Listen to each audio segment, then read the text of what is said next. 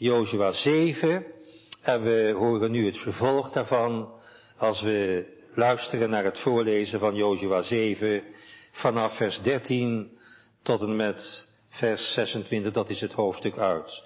Vers 13, dat is het moment dat de Heere tegen Jozua zei, wat lig je daar op de grond? Sta op.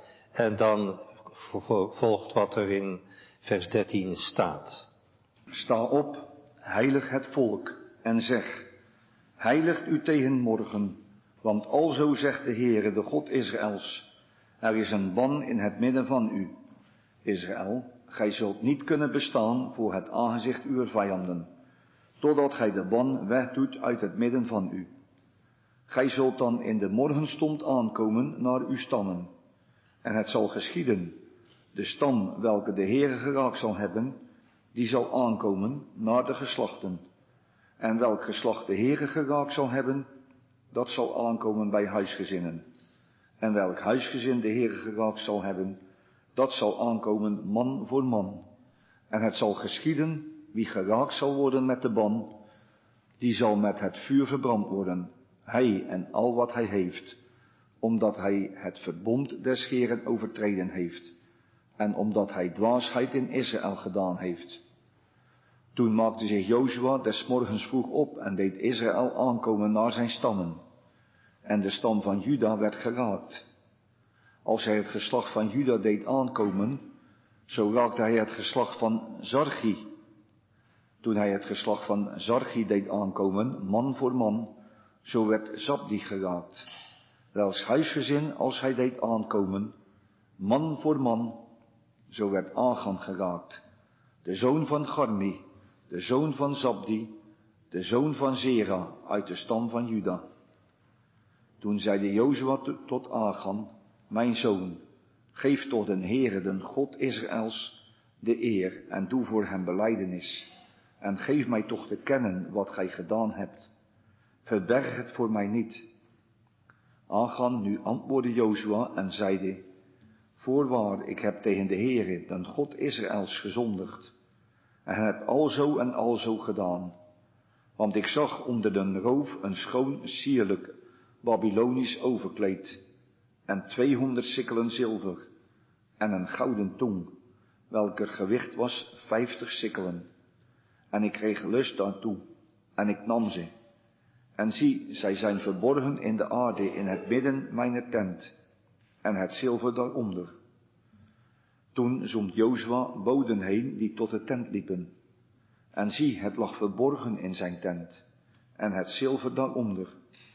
Zij dan namen die dingen uit het midden der tent en zij brachten ze tot Jozua en tot al de kinderen Israëls. En zij stortten ze uit voor het aangezicht des Heren. Toen nam Jozua en gans Israël met hem Achan, de zoon van Zera, en het zilver, en het sierlijk overkleed, en de gouden tong, en zijn zonen en zijn dochters, en zijn ossen en zijn ezels, en zijn vee en zijn tent, en alles wat hij had, en zij voerden ze naar het dal van Agor. En Jozua zeide, hoe hebt gij ons beroerd? De Heere zal u beroeren te deze dagen. En gans Israël stenende hem met stenen, en zij verbrandden hem met vuur, en zij overwierpen hem met stenen.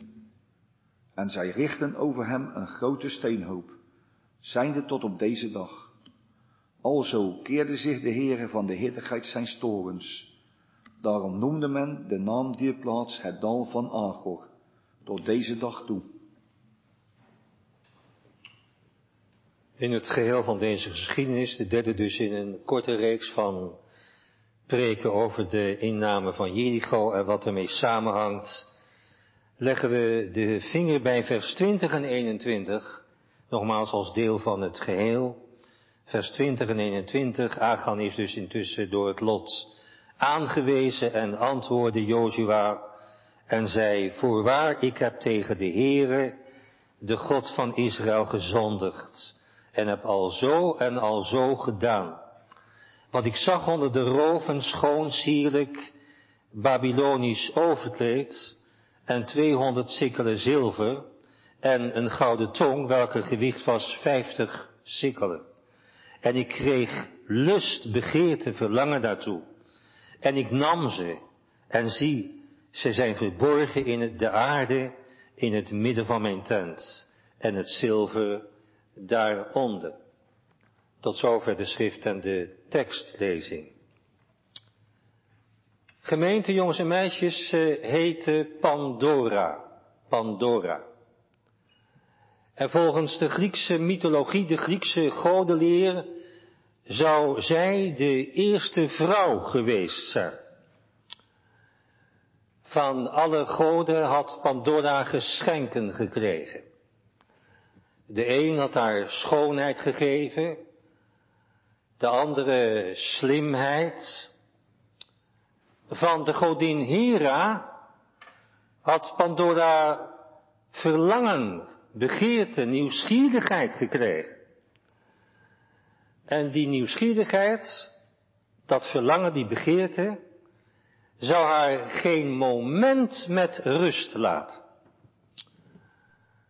Pandora trouwde met Epimetheus.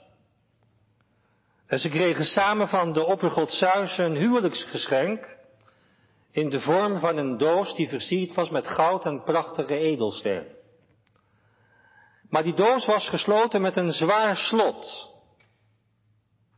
Maar Pandora had van Zeus de sleutel gekregen om die doos te kunnen openen. Maar Zeus had er nadrukkelijk bij gezegd dat als Pandora en Epimetheus gelukkig wilden leven, ze er maar beter aan deden om die doos gesloten te houden. Maar de begeerte, het verlangen, de nieuwsgierigheid, die Pandora van Hera had gekregen, liet haar geen moment met rust. Op een dag kon Pandora haar nieuwsgierigheid, haar verlangen, haar begeerte niet langer bedwingen. En ze opende de doos, ze had immers de sleutel in handen. Ze opende de doos die zij van Zeus als huwelijksgeschenk had gekregen. En wat gebeurde er toen? In één keer kwamen daaruit alle tegenslagen en tegenspoeden die de mensheid maar kunnen treffen. Ziekte, epidemieën, oorlogen, verbittering, haat, nijd en ga zo maar door. Kortom, alle mogelijke kwaad en alle denkbare tegenslagen spoelden toen die doos was opengegaan over de wereld en de mensheid heen. Als laatste, als laatste kwam uit de doos van Pandora de hoop gevlogen als een vogel. Er bleef voor de mensheid die overspoeld werd door leed en nadigheid, tenslotte toch nog een boodschap van troost en hoop over. Want moed verloren, hoop verloren, is niet waar, alles verloren. U hebt geluisterd. Lijkt dit verhaal niet heel sterk op een ander verhaal? Een verhaal dat wij maar al te goed kennen vanuit de Bijbelse geschiedenis. Inderdaad, de mythe van Pandora klinkt als de verre echo van het paradijsverhaal. Van de geschiedenis die wij maar al te goed kennen uit Genesis 3. De geschiedenis van het proefgebod. Het gebod dat de mensen beproefde, zoals wij die zijn gaan noemen. Zoals in sommige oude volksverhalen een verre echo van het Bijbelse zondvloedverhaal doorklinkt, zo klinkt in de mythe van Pandora een verre echo door van de geschiedenis van de val van de eerste mensen door de ongehoorzaamheid van Adam en Eva in het paradijs. Maar ook daar ontbrak de hoop niet. Want de Heere stelde die twee eerste mensen de verlosser in het vooruitzicht. Ik zal vijandschap zetten Tussen u en tussen deze vrouw, tussen uw zaad en haar zaad. De moederbelofte. En zo hoorden we ook van hoop, die tenslotte als een vogel opwiekt uit de doos van Pandora, die, van waaruit de mensheid overspoeld werd met leed en rampen. Maar wat echter nadrukkelijk centraal staat in dat verhaal van Pandora, dat is de verleiding, de begeerte, het verlangen. Begeerte, verlangen, die Pandora geen moment met rust liet. Verlangen, begeerte dat haar ertoe aanzette om die doos van Pandora te openen. Waardoor ongeluk en rampspoed de wereld veroverde en de mensheid overspoelde. Die begeerte gemeente, daar gaat het nu even over, dreigt telkens op cruciale momenten van de mensheidsgeschiedenis de boel in het honderd te laten lopen. Zoals in het paradijs. En zoals ook bij de inname van het beloofde land. En dan denken we aan de diefstal, de zonde van Agan. We gaan vanmiddag samen nadenken over de betekenis en de gevolgen, de aard van Agans zonde aan de hand van drie gedachten. De eerste plaats staan we stil bij de aard van die zonde. En de tweede plaats bij de omvang van die zonde. En de derde plaats de gevolgen van die zonde. Dus Agans zonde. De aard ervan, de omvang ervan en de gevolgen ervan. Gemeente jongens en meisjes, Israël is gekomen op een cruciaal punt in zijn volksgeschiedenis. Meer dan vier eeuwen had het volk Israël een slavenbestaan geleid en vervolgens had het veertig jaar lang in de woestijn een Bedouinenbestaan geleid. Maar nu is het volk Israël aan de grens van het beloofde land aangekomen en is het begonnen het beloofde land in bezit te nemen. En dat is het punt waarop Israël eindelijk thuis komt. Canaan is het thuisland van Israël, waar het volk van God zijn God zal dienen in gehoorzaamheid aan het goddelijk gebod en waar het zich zal overgeven aan de leiding van zijn Heer. Al bij de inname van Jericho is de toon gezet daartoe, door wat God aan Israël had bevolen. Jericho valt immers Israël zonder slag of stoot in handen, als een overtuigend bewijs dat God het hele beloofde land aan het volk Israël geschonken heeft en nog schenken zal. En daartoe behoort Jericho tot de krijgsbuit die Israël niet mag nemen, zich niet mag toe-eigenen. Stad, bevolking en alle buit die erin te vinden is, behoort de Heere volkomen toe. Als een deel van het geheel vormt de puinhoop Jericho een blijvend getuigenis dat het land van God is en dat het land aan Israël in gebruik wordt gegeven om God daarin te dienen en zijn stem daarin gehoorzaam te zijn. Je zou Jericho en wat God daarbij gebiedt kunnen vergelijken bij het proefgebod dat God aan Adam en Eva in het paradijs had gegeven. Op cruciale momenten in de heilsgeschiedenis, de Bijbelse geschiedenis, en tussen haakjes voeg ik dan toe, maar dat is niet onbelangrijk, ook op cruciale momenten in ons leven, misschien herkent u het wel, is er zo'n moment, zijn er van die momenten, dat de Heere God in ons leven, in de geschiedenis van Israël en van de kerk van het Nieuwe Verbond, de proef op de som gaat nemen. Om te beproeven, aan de dag te brengen, aan het licht te brengen, of wij bereid zijn om ons volledig aan het gebod van God over te geven, aan zijn leiding toe te vertrouwen en ons volkomen afhankelijk van de Heer op te stellen. Heer, hier ben ik. En doet u met mij maar wat goed is in uw heilige ogen. Dat hè. Zo'n moment, ik zei het al, was er in het paradijs. Aan het begin van de geschiedenis van de mensheid, door middel van het proefgebod.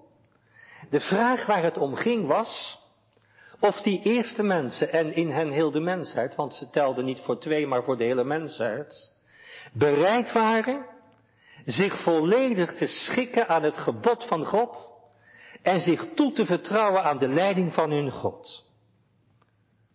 Dat was in het paradijs al zo. Abraham, een nieuwe fase in de heilsgeschiedenis, belangrijke fase, wordt eveneens door de Heer beproefd. Hij krijgt de belofte dat hij, terwijl hij nog geen kinderen heeft, uit zal groeien tot een machtig volk. En dan eindelijk, na jaren, jaren, jaren wachten, komt dat kind, die zoon Isaac. En als die goed en wel groot begint te worden, jaar of 12, 13, 14 is, een man in spe zou je zeggen, waarin de belofte van het grote volk zakjes aan contouren krijgt, dan zegt God tegen Abraham, ga maar op weg Abraham, naar het land dat ik, naar de berg die ik je wijzen zal, om jouw zoon te offeren aan mij. En de Heere wil Abraham beproeven of die dat godsgeschenk, dat kind, die zoon Isaac, in wie die belofte vlees en bloed zal worden, bereid is af te staan, of alleen voor zichzelf wil houden. Koning Saul, ik noem maar enkele voorbeelden, ik zou er veel meer kunnen noemen, maar koning Saul wordt beproefd of hij werkelijk koning wil zijn bij de gratie Gods.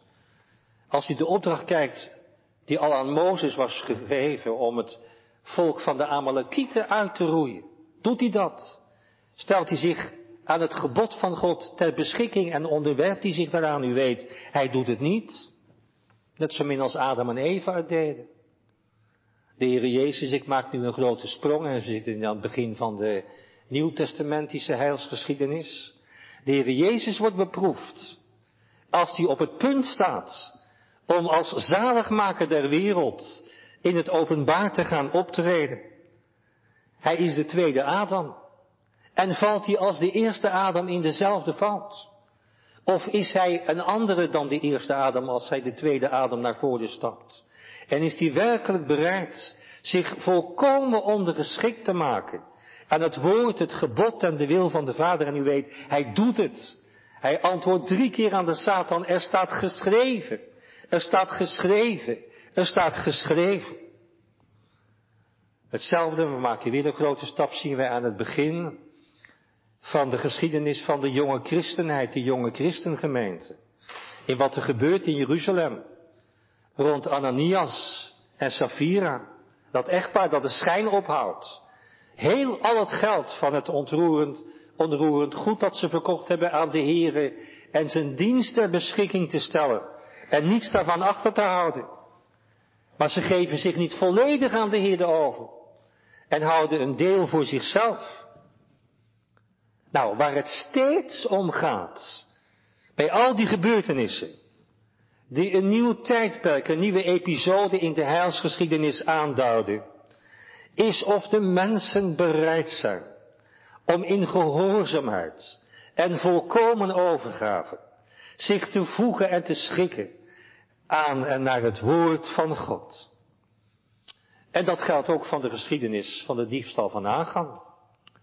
Israël staat aan het begin van een nieuwe periode van zijn volksgeschiedenis. Het is 4,5 eeuw in slavernij geweest. Het heeft 40 jaar een Bedouinenbestaan geleid. En nu mag het eindelijk thuis komen. Een nieuwe periode. En wordt die periode gekenmerkt? Dat is de vraag. En op dat punt worden ze beproefd. Wordt die nieuwe periode in de geschiedenis van het volksleven van Israël gekenmerkt door gehoorzaamheid, overgave aan het goddelijk woord en het goddelijk gebod. De vraag waar het om gaat is Israël in de nieuwe situatie. bereid is om te gehoorzamen, te luisteren naar Gods stem. Alleen onder die voorwaarden, alleen onder die voorwaarden, mag Israël het beloofde land in bezit nemen. Nou, Agan beantwoordt die vraag of die gehoorzaam wil zijn aan de Heerde God, als die wonen mag in het beloofde land, door zijn diefstal ontkennend. Nee, zegt hij, ik wil niet luisteren naar die God van Israël. En ik wil mij niet voegen naar zijn stem. En daardoor blokkeert Agan voor heel Israël de toegang naar het beloofde land. Het heilige land houdt immers in dat het land en het volk dat erin woont volstrekt toegewijd zijn aan de dienst, aan het woord, aan het gebod van God. En daarom moet Israël de stem van de Heer gehoorzaam zijn. Dat is ook de reden dat er niets van Canaan uit, eh, iets eh, deel mag uitmaken van het bezit van Israël.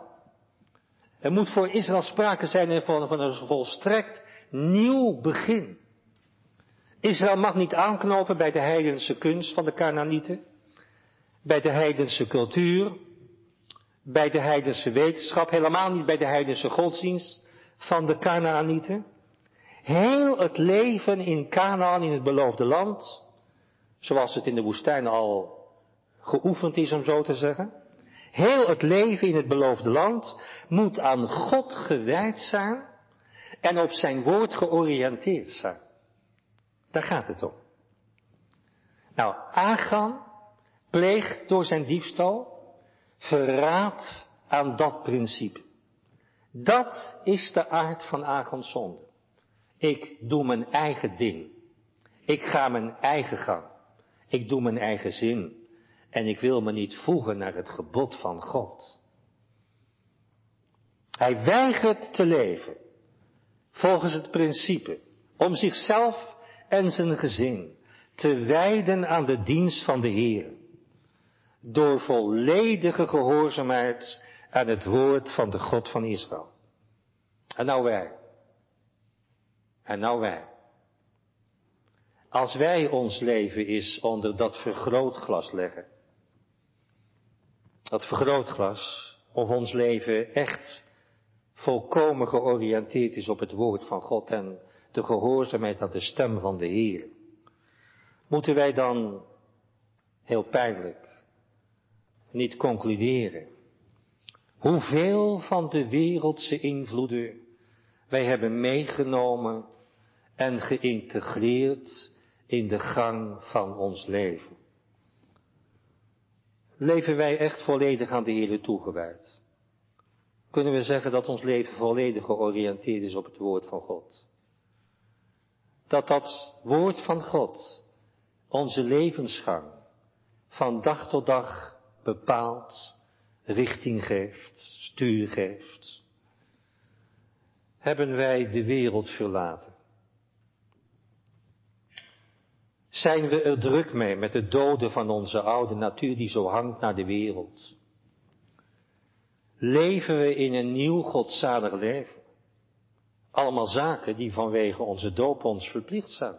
Dat lezen we toch in het doopformulier. De wereld verlaten. Onze oude natuur doden. En in een nieuw godzalig leven wandelen. Doen we dat? Of is dat in ieder geval ons verlangen om zo te leven? Verlangen we ernaar om naar Gods woord, naar zijn bevelen te leven? Opdat Gods naam door ons altijd wordt geprezen en zijn lof wordt vergroot? En is het ons een voortdurend verdriet dat we altijd daar achteraan komen kreupelen en dat we die hoogte niet halen? Kijk het eens na. Ook met het oog op de viering van het heilige avondmaal volgende week zondag. Kijk het eens na. En dan is het niet te laat om de weg om te buigen. Te zeggen, hier ben ik. Ik stel mij aan u ter beschikking en leidt u mij maar in de weg die u wel behagelijk is. Dat is zo slecht nog niet, lieve mensen. Daar word je echt niet minder van. Daar verlies je niks mee, daar win je alleen maar mee. Voor de tijd en voor de eeuwigheid. Aangaan. Hij zondigt dus wel bewust tegen datgene wat God van zijn volk vraagt. In het land dat ik jullie geef ten geschenke als cadeau. Leven voor mij alleen. En je niet voegen in het stramien van de Canaanitische levenswijze. Aangaan doet dat niet, weigert dienst. Verzet zich daartegen, heel bewust.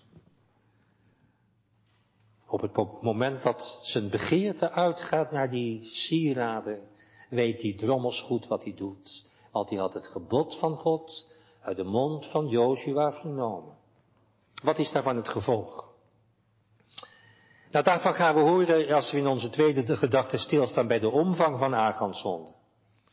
Want de zonde van Agan blijft niet beperkt tot Agan alleen. Nee, de Heere rekent de diefstal van Agan heel Israël aan. Als de Heere de vraag van Joshua naar het waarom van de nederlaag bij Ai beantwoordt, dan doet hij dat met de woorden, Israël heeft gezondigd. Zij hebben mijn verbond dat ik hun geboden had overtreden. En dat verbond had tot inhoud datgene wat God ten aanzien van Jericho aan Israël had geboden. We horen de Heer niet zeggen, Agan heeft gezondigd. En Agan heeft mijn verbond overtreden. Nee, heel opmerkelijk en duidelijk zegt de Heer, Israël heeft gezondigd. Zij hebben mijn verbond overtreden. Het lijkt toch buitengewoon oneerlijk, nietwaar? Laten we het maar eerlijk tegen elkaar zeggen. Hardop zeggen. Het lijkt toch heel erg oneerlijk dat de verborgen zonde van één Israëliet, een zonde die niet zichtbaar was, want dat was in het geheim, in het geniep gedaan, dat die ene verborgen zonde van één Israëliet heel het volk schuldig stelt en strafbaar maakt. Laten we het er maar gewoon tegen elkaar zeggen, dat alleen dat feit al ons grote moeite bezorgt met de geschiedenis van wat Agan tenslotte overkomt en zoals het met hem afloopt.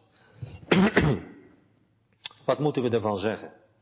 Wat moet je daar nou van zeggen, gemeente? Als eerste dit. God handelt volstrekt soeverein. Hij is ons geen rekenschap verschuldigd. Hij hoeft u niet te vertellen waarom die dingen doet die hij doet. Ik ben God en u bent mensen. Mag de klei aan de pottenbakker vragen, wat maakt je? Zo min mogen wij vragen, Heer de God, wat doet u eigenlijk? En waarom doet u het? Wij zijn maar mensen, Hij is God. Dat is het eerste. Het tweede is, en dat moeten wij ons maar ter harte nemen, is dat wij veel meer door het onbijbelse individualisme geïnfecteerd zijn dan we zelf wel voor mogelijk houden. Individualisme, waarvan geldt ieder voor zich. De Bijbel ziet de mens niet als een individu, maar als een collectief wezen. Een onderdeel van een gemeenschap. God plaatst ons in de verbanden van gezin en huwelijk, huwelijk en gezin, familie en vrienden, ga zo maar door, dorpsgemeenschap. En wat onze verhouding tot God betreft, zijn wij geplaatst in het verband van een christelijke gemeente. Kijk, Israël is maar niet een willekeurig volk, een van de vele die er toen waren en nog zijn. Nee, Israël is het volk van God. En als zodanig, als volk van God, is het voorspel en voorbeeld voor en van de christelijke gemeente. U moet me goed begrijpen. Nadrukkelijk wijs ik het standpunt af dat de nieuwtestamentische gemeente in de plaats van het volk Israël zou zijn gekomen. Dat is volstrekt niet het geval. God gaat met Israël zijn eigen weg. En vervult in die weg al zijn beloften voor dat volk. Leest u Romeinen 9 tot en met 11 maar op na. Toch laat het Oud-testamentisch Israël iets zien van hoe het moet toegaan in de Nieuw-testamentische gemeente.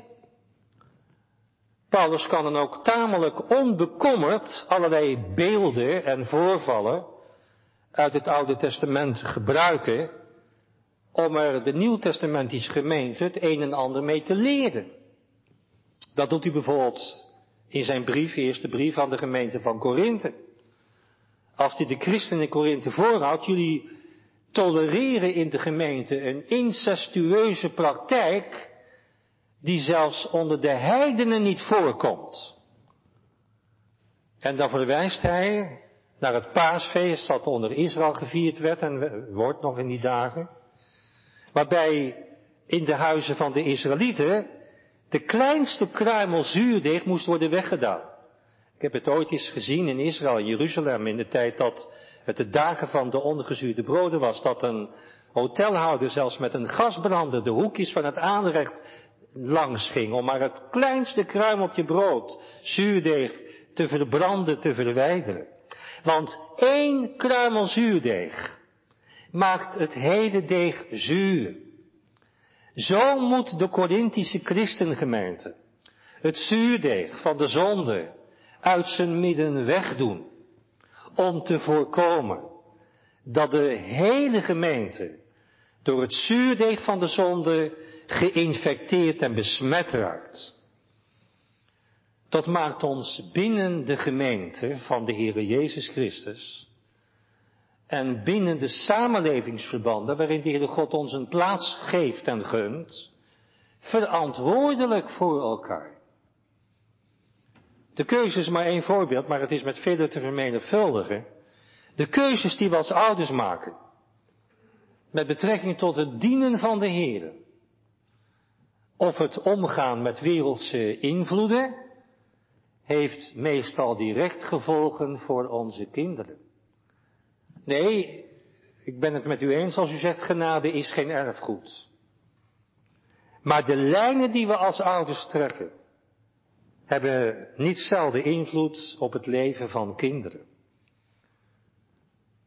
Moeten we vanmiddag niet eerlijk tegen elkaar zeggen en ons ook een beetje schamen dat we elkaar vaak zo onverschillig zijn en zo onverschillig laten.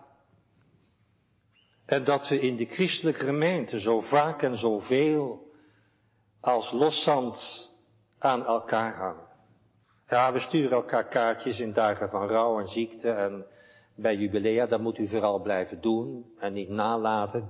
Ga er alsjeblieft mee door.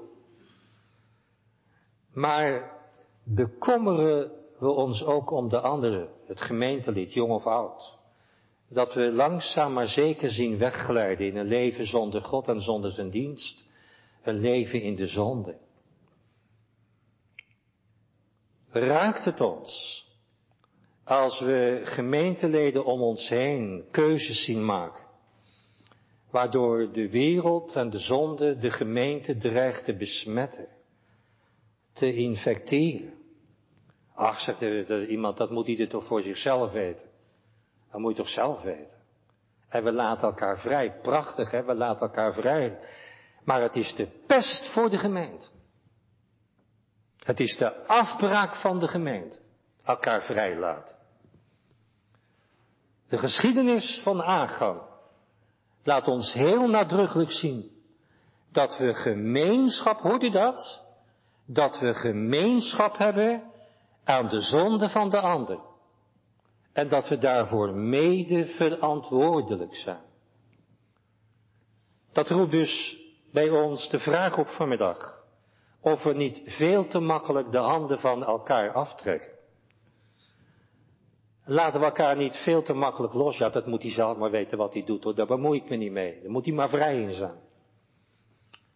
Nee, we hoeven niet meteen met het waarschuwende vingertje klaar te staan. Dat is niet de bedoeling. Maar we zouden op zijn minst elkaar kunnen meenemen in het gebed. Als we gemeenteleden zien afwijken van de Heer en van zijn dienst en van zijn dag. Want we zijn wel degelijk verantwoordelijk voor de ander. Leven op het erf van het verbond, lieve mensen. Ik hoop dat u dat begrijpt en dat het tot u doordringt. Behoren tot de christelijke gemeente is een hoogst ernstige aangelegenheid. Het is een kwestie van leven of dood. Wat Israël als volk van God, als volk van het verbond aantast, dat moet uit het midden van Israël worden weggedaan, uitgebannen. En wie dan een zoon van Israël is, van geboorte van Zargi en Abdi en noem tot Juda toe. Wie dan een zoon van Israël is, tot die verre geslachten aan te wijzen, behoort niet vanzelfsprekend tot het volk van God. Maar wie van harte instemt met de inhoud van het verbond, die ontvangt een plaats te midden van het volk van God. Zelfs al is dat een heidense, een Canaanitische vrouw, Ragab, de hoer van Jericho. Ze wordt niet vanzelfsprekend uitgesloten van het behoren bij het volk van God. Nou, op die manier ontsnapt Ragab, Canaanitische vrouw, hoer notabene, aan de ban, aan het oordeel dat Jericho treft. Maar Agan, zoon van Juda, van Israël, wordt door dezelfde ban, door hetzelfde oordeel getroffen als Jericho trof, omdat hij zich toe-eigent, naar zich toe haalt, wat door God in de ban was gedaan, en wat door hem als contrabande was verklaard voor het volk dat naar zijn naam was genoemd. Nou, voor de nieuwtestamentische gemeente van vandaag reizen nou de geschiedenis van de zonde van Agan, die twee gestalten voor ons op. Ragab en Agan. En met hen reist de vraag van ons op, op wie lijkt u? Op wie lijkt jij? Aan welke kant staan wij? We gaan naar onze derde gedachte en gaan het afronden. Het gevolg van de zonde van Agan. Nou, Agan wordt door een vreselijk oordeel getroffen. Daar hoeven we niet veel woorden aan te wijden, want dat is te erg voor woorden. Hij wordt door een vreselijk oordeel getroffen. Hij zelf en zijn hele gezin, moet je je voorstellen, dat kun je niet voorstellen, worden door steniging gedood.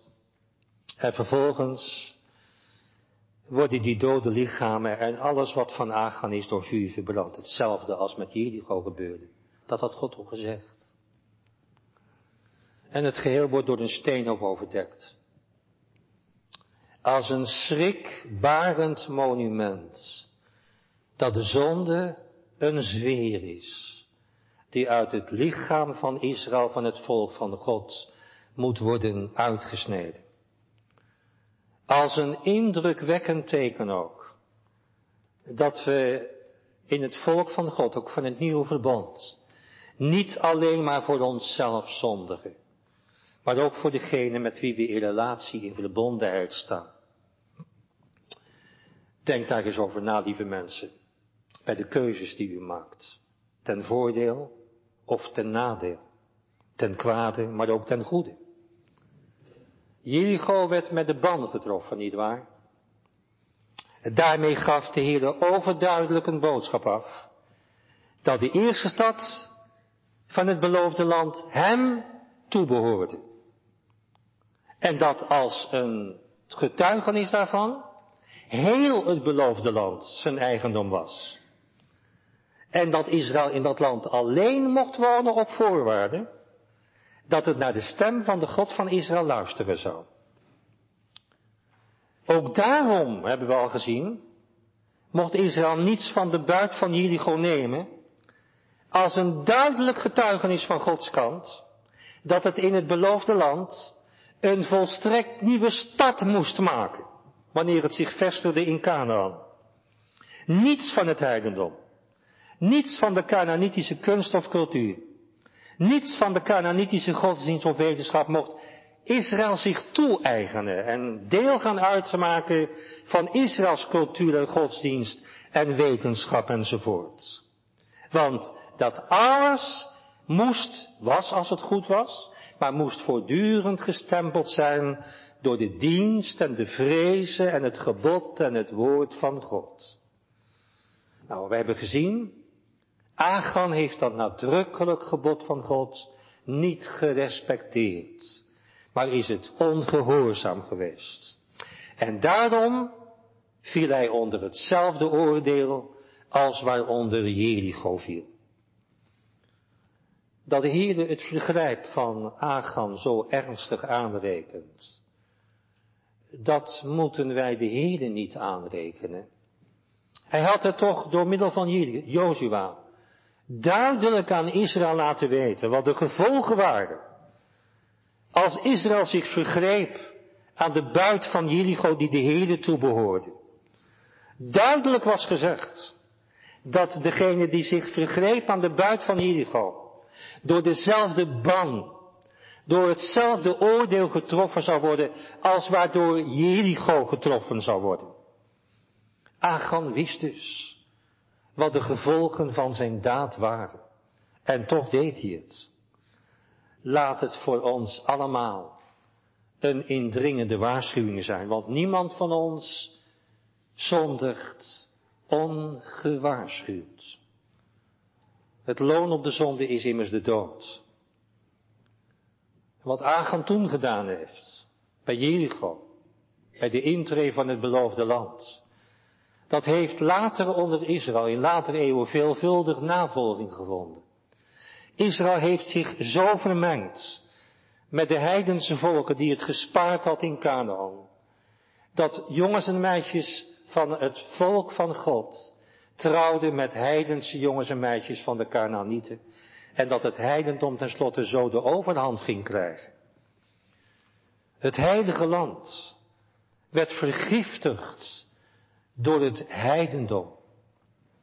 Ik ben eens in het Israël Museum in Jeruzalem geweest en heb me daar verbaasd over de tientallen, zo geen honderden Baalbeeldjes die bij archeologische opgravingen in de jaren door in de bodem van Israël gevonden zijn. Honderden, bij honderden zijn ze gevonden als een teken hoezeer Israël geïnfecteerd was door het Baalisme, het heidendom van de Kanaan niet.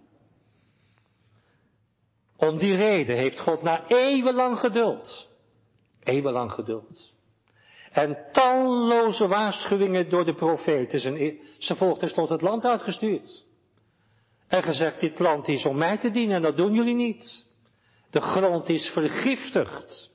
De bodem is verontreinigd met het bloed dat aan de afgoden geofferd is. Weg uit mijn land. En ze werden in ballingschap gestuurd. Het volk mag niet langer wonen in het land dat, waarvan de grond door God gewijd is en geheiligd is om Hem te dienen en Hem gehoorzaam te zijn. Daarover kunt u het nodige lezen onder meer in Hosea 2. Maar Hosea, die van het oordeel getuigt dat over Israël komt vanwege het aanhangen van de Baal, spreekt ook van een hoopvolle wending. Want de profeet, u hebt die naam horen noemen aan het einde van Jozua 7, dal van Agor, dat dal waarin dat verschrikkelijke oordeel over Agan heeft plaatsgevonden en is uitgevoerd. De profeet kondigt aan, Hosea, dat het dal van Agor, die oordeelsplaats van steniging en verbranding, zal worden tot een deur van de hoop. Ja, de Heer belooft zelfs dat hij de namen van de Baals uit de monden van zijn volk zal wegnemen, dat ze niet meer genoemd zullen worden. En de oordeelsplaats, die verschrikkelijke oordeelsplaats, dat dal van Agor, waar aanvankelijk de inname van het beloofde land dood leek te lopen, vanwege de zonde van Agor zodat Israël door de Canaanieten vernietigd dreigde te worden. Die oordeelsplaats, dat dal van Agro zal veranderen in een deur van de hoop. Het wordt een poort van de Heer, waardoor het volk van God het beloofde land mag binnentrekken en als erfenis in bezit mag nemen. Hosea verbindt dat met een nieuw verbond, dat de Heer met zijn volk zal aangaan. Een nieuw verbond, waarvan een periode van rijke zegen aan Israël geschonken zal worden. Vanuit die belofte die de Heer bij monden van Hosea aan Israël van toen deed, mogen wij lijnen doortrekken naar het offer van de Heer Jezus Christus op Golgotha, in wie dat nieuwe verbond vast en zeker is. In Hem is er een toekomst gegarandeerd, vol geluk en vol zaligheid en vol heil en redding en verlossing. Zo zien we de lijnen van deze diep droeve geschiedenis van Agan. Ten slotte uitmonden op Golgotha. In Adam hebben wij allemaal gezondigd. Adams keuze. Waarom moet ik voor de gevolgen van Adam opdraaien? Adams keuze wordt ons, zijn nakomelingen, toegerekend. Adam zonderde niet voor zichzelf. Hij overtrad het gebod dat ten leven was voor al zijn nakomelingen.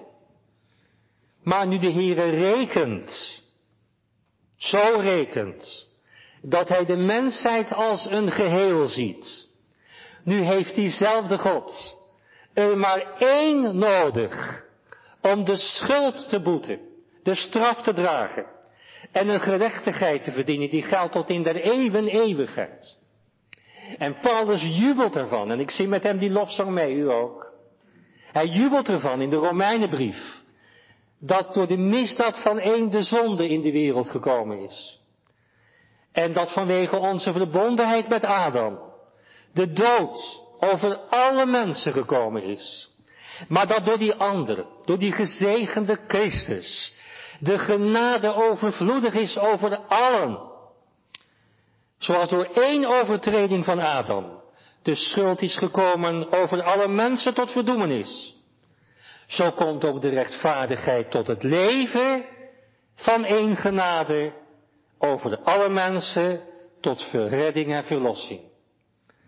Het is maar goed, lieve mensen, dat God heel anders rekent dan wij rekenen vanuit ons individualistisch gedachtegoed. Dan stond u zelf verantwoordelijk. En dan moest u zelf de schuld en de straf dragen en boeten, die u door uw zonde op u geladen heeft. Maar het strenge oordeel van God, dat over jou en u en mij moest gaan, en dat is avondmaal vieren, nietwaar, is over de Heere Jezus Christus gegaan. Daarom is het zo belangrijk dat u zich verbonden weet met Adam. Als je Adam niet kent, leer je Christus ook niet kennen vanwege dat collectieve gedachtegoed van de Heere God. Dat we allemaal één geheel vormen met Adam en dan kun je ook één geheel vormen met Christus. Het gaat erom dat Adams schuld uw en jouw en mijn schuld wordt. Want dan gaat er een deur van hoop voor ons open. In de Heere Jezus Christus.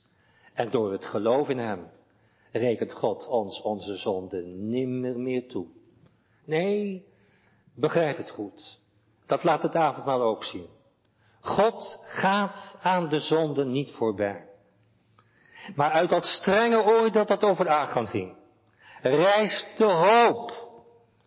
In het oordeelsdal Agor gaat de deur van hoop open. God, dat hebben we gezien, indrukwekkend niet waar, huiveringwekkend, straft de zonde wel degelijk, toen en nu. Maar in dit oordeel een deur van hoop openen. Dat hoor het nou eens goed en onthoud het goed.